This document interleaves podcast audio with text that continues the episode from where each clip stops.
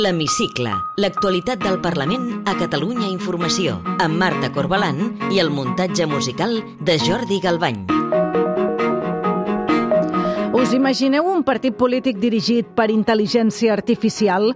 Això que pot semblar ciència-ficció ja és una realitat a Dinamarca. Avui al programa L'Hemicicle analitzarem com pot influir la intel·ligència artificial en la política i en la democràcia.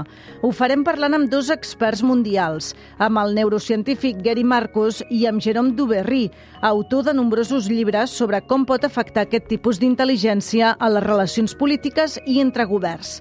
Tots dos han participat aquesta setmana en una jornada sobre intel·ligència artificial al Parlament de Catalunya. Catalunya. Avui entrevistem la diputada de la CUP, Laia Estrada. Benvinguts a l'Hemicicle.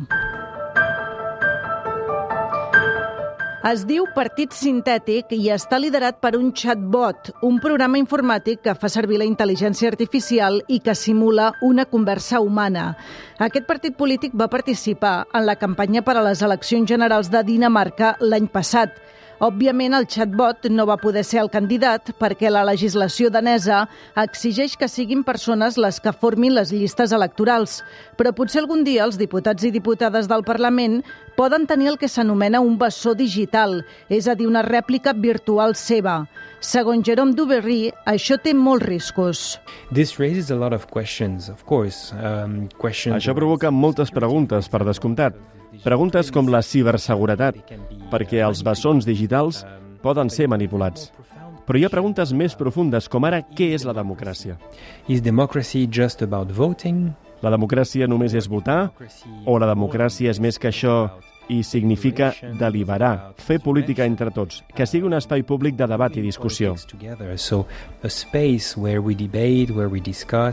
Gary Marcus és professor emèrit de la Universitat de Nova York i una de les personalitats més influents en el terreny de la intel·ligència artificial. Al maig va compareixer davant del Comitè Judicial del Senat dels Estats Units per alertar dels riscos d'aquest tipus d'intel·ligència. Marcus creu que pot ser un perill per als processos democràtics. Costava milions de dòlars intentar alterar unes eleccions, però ara es pot fer amb pocs centenars de dòlars i això vol dir que molta gent ho intentarà. Ells produiran més desinformació i no tenim eines per aturar la seva propagació. Veurem clarament la diferència entre fer-ho a petita escala o a l'engròs. La desinformació serà produïda per màquines.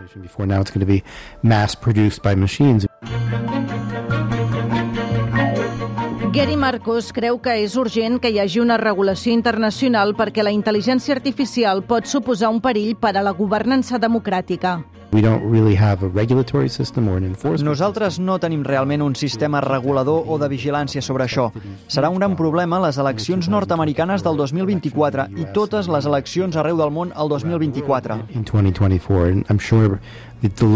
La creació deliberada d'informació errònia tindrà un paper rellevant. Hi haurà vídeos alterats, el xat GPT farà textos falsos a Twitter, hi haurà molta d'aquesta informació corrent. En el pitjor dels casos, ningú no creurà res i això dificultarà el funcionament de la democràcia. Des de fa dos anys, Europa treballa en la primera llei de tot el món per regular la intel·ligència artificial, però la previsió és que no es pugui començar a aplicar fins a finals del 2025. Marcos és partidari que hi hagi un organisme internacional que supervisi aquesta tecnologia, com ja passa amb l'energia nuclear. Penso que cal una agència nacional i global sobre intel·ligència artificial que posi en ordre tot això, que tinguin prou coneixement per afrontar una cosa que es mou molt ràpid i que té molts riscos i pot ser perjudicial. Mentre no hi hagi una regulació global, Jérôme Duberry creu que els estats han de tenir un paper clau.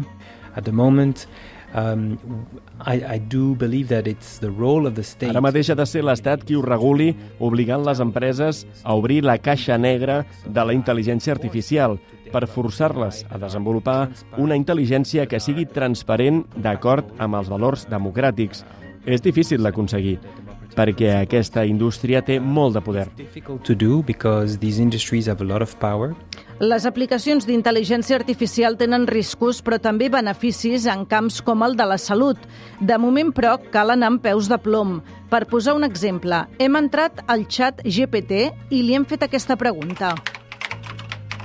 Qui és la presidenta del Parlament de Catalunya? I la resposta ha estat... Laura Borràs i Castanyer. La presidenta del Parlament és Anna R i no Laura Borràs. El xat GPT no té, òbviament, actualitzada la informació. Té la paraula Soc la Laia Estrada, diputada de la CUP al Parlament de Catalunya. Soc professora de secundària i tornaré a ser professora de secundària quan acabi la meva etapa aquí al Parlament. Aquesta setmana Sumar ha presentat la seva proposta d'amnistia. El text planteja que l'amnistia benefici totes les persones que tenen causes vinculades a la defensa del dret a l'autodeterminació entre el 2013 i el 2023, així com també els policies que van intentar impedir el referèndum de l'UO.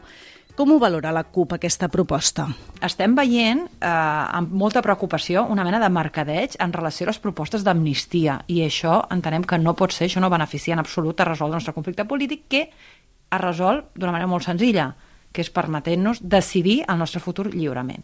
Per tant, la proposta de sumar mm, a nosaltres eh, no eh, ens sembla que sigui la dient en cap cas, no resol el problema perquè no reconeix el nostre dret a l'autodeterminació en el sentit que no vincula l'amnistia en aquest reconeixement, no vincula l'amnistia aquesta llei al fet de permetre'ns eh, marcar data no? i pregunta del referèndum. I després hi ha una qüestió que per nosaltres ens sembla que és insultant, que és eh, doncs, incloure els policies en aquesta llei d'amnistia. Nosaltres el que diem és que s'han d'incloure eh, no només les persones represaliades per la causa independentista directament, sinó que ho han de ser també, eh, s'han d'incloure aquelles persones represaliades per defensar eh, doncs els drets, les llibertats, eh, perquè entenem que mm, en aquest conflicte polític del nostre poble amb l'estat espanyol doncs eh, vist vulnerats tots aquests drets i totes aquestes llibertats i per tant totes aquestes persones eh, s'han de veure eh, recollides eh, en, en aquesta llei d'amnistia. Això no té res a veure amb els policies ni tampoc amb persones eh, doncs encausades amb casos de corrupció. Si el PSOE no reconeix el dret d'autodeterminació, aleshores creu que Junts i Esquerra haurien de votar no a la investidura de Pedro Sánchez? Nosaltres el que diem és que eh, sense vincular l'autodeterminació a l'amnistia, mm, ells no poden avalar cap llei eh, d'amnistia perquè estarien incomplint aquest eh, eh acord eh, al que vam arribar i aquest mandat eh, del Parlament. Per tant, doncs, lògicament, no haurien de facilitar cap mena de, de governabilitat. I si s'aprova finalment la llei d'amnistia sense anar vinculada a un dret d'autodeterminació i l'independentisme, en aquest cas Esquerra i Junts, facilita la governabilitat i la investidura de Pedro Sánchez, aleshores com respondrà la CUP, en aquest cas des del Parlament? Doncs, eh, malauradament, la nostra formació té eh, nou diputades i tant de bo tinguéssim més força eh, com, a, com a grup parlamentari, però eh, m'agradaria recordar eh, la gravetat de eh, la situació en la que ens trobaríem, que és que aquestes formacions polítiques estarien incomplint el, el mandat de, del Parlament. I a part estarien incomplint les seves pròpies declaracions. Hem sentit, eh, a banda i banda, eh, Pere Aragonès assegurar que eh, ells entenen una llei d'amnistia eh, eh, com si no fos eh, no, eh, lluny del que seria un, un punt final. Hem sentit a Junts per Catalunya, el president eh, Puigdemont, a repetir que eh, no renuncia al dret d'autodeterminació. Per tant, eh, ostres, estaríem parlant d'una presa de pèl majúscula eh, no a la CUP, eh, sinó als votants d'aquestes formacions polítiques. Una cosa que, eh, que per nosaltres seria un desastre perquè contribuiria amb aquesta desafecció i amb aquest descrèdit no? amb el que ens trobem ara en el si de l'independentisme especialment. Creu que hi ha la temptació per part del PSOE que amb l'aprovació d'aquesta llei o eventual llei d'amnistia es vulgui enterrar el conflicte polític?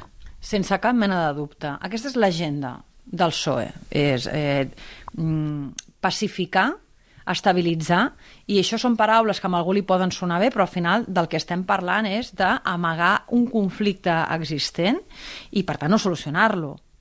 Com valora el canvi d'estratègia de Junts per Catalunya i la seva aposta ara per la negociació a Madrid i l'entrada en escena en les negociacions de Carles Puigdemont? Doncs sense cap mena de dubte l'entrada en escena de Carles Puigdemont eh, representa un, un punt eh, d'inflexió eh, en el moment en el que eh, s'afegeixa no, en aquesta estratègia negociadora. Um, I el que ens preocupa és que entri dins de la línia eh, que, que ha mantingut Esquerra fins ara, que és una línia doncs, de contribuir en aquesta pacificació i, per tant, en aquesta agenda no, del retrobament de, del PSOE, que el que fa no és permetre'ns avançar en la resolució del nostre conflicte polític, sinó tot el contrari.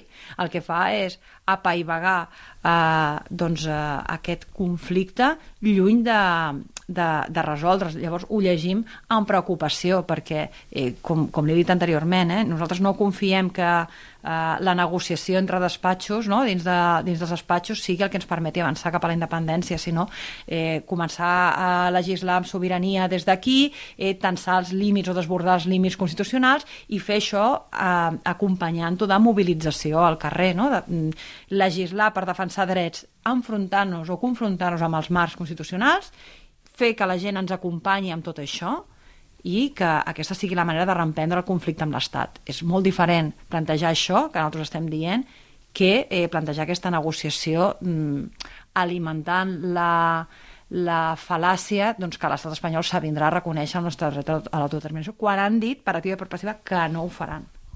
Aquesta setmana el govern de Pere Aragonès ha complert un any en solitari després de la sortida de Junts, de l'executiu. Creu que eh, el president de la Generalitat podrà esgotar la legislatura tenint en compte que no té una majoria parlamentària estable ni sòlida? Doncs, de fet, el govern, en l'últim debat de política general, es va evidenciar que està mm, més sol que mai. I eh, el problema que té Esquerra Republicana i que tenim com a país és que ha desaprofitat totalment la, les majories que hi havia en aquesta legislatura, una majoria independentista del 52% que ens havia de permetre, eh, segons Esquerra i Junts per Catalunya, doncs, avançar eh, de forma decidida cap a la independència i també ha desaprofitat la majoria d'esquerres que hi havia al Parlament per avançar en aquests dos àmbits, eh? en l'àmbit eh, d'alliberament nacional, en l'àmbit independentista i en l'àmbit de drets eh, socials. I ho ha desaprofitat perquè eh, rapidíssimament Esquerra Republicana el que va fer va ser assumir el programa del PSOE o del PSC, que és la seva franquícia aquí. Però, mm, ostres, eh, hi ha marge, o hi hauria marge, o hem d'entendre que encara hi ha eh, una possibilitat de, eh, doncs de, de reconduir aquesta legislatura si Esquerra fa un canvi de rumb, si fa un gir de 180 graus, el que passa és que Esquerra ni fa una cosa, ni avança en clau eh, nacional, ni tampoc en, en clau social. I el que fa és assumir el programa del PSC i, i, i per tant doncs això el que fa és eh, doncs que la legislatura mm, estigui totalment frustrada a nivell de les seves expectatives o possibilitats. Eh? Davant d'aquesta legislatura que diu frustrada, creu que fora bo un avançament electoral? Doncs és una possibilitat, i tant, és una possibilitat, i haurem de veure eh, què passa els propers eh, mesos, o fins i tot les properes setmanes, um, a nivell doncs, de, el, el rumb que pren tot plegat, no? si, si veritablement hi ha marge per a un canvi de rumb o si el que, el que tenim és eh, doncs, eh, posar-li la cirereta no? de tota aquesta deriva en clau d'assumir l'agenda de la patronal i de la Moncloa i eh, renunciar a les aspiracions de, de, de, del país, tant en clau nacional com en clau eh, social. Si li sembla bé, ens endinsem ara ja en el terreny més personal i li demano ara si pot contestar amb respostes tan breus com sigui possible. Recorda que volia ser de petita? Veterinària. Si hagués de posar una banda sonora a la Catalunya d'aquests temps, quina posaria? Potser la novena de Beethoven, li posaria. Té algun viatge pendent de fer? M'agradaria anar a Amèrica Llatina, que no hi he estat mai. Amb quin diputat o diputada que no sigui del seu grup compartiria una sobretaula distesa? amb la Raquel Sanz, d'Esquerra Republicana. I ja per acabar, completi la frase següent. El que més m'agradaria del món és... Que el conjunt de la població pogués viure amb llibertat i amb els drets eh, fonamentals garantits. Laia Estrada, diputada de la CUP, un nou cicle per guanyar. Gràcies per atendre'ns a l'hemicicle de Catalunya Informació. Moltes gràcies a Valtros. Podeu tornar a escoltar l'hemicicle al web catradio.cat barra hemicicle o al podcast del programa i seguir l'actualitat del Parlament al perfil de Twitter arroba L-hemicicle.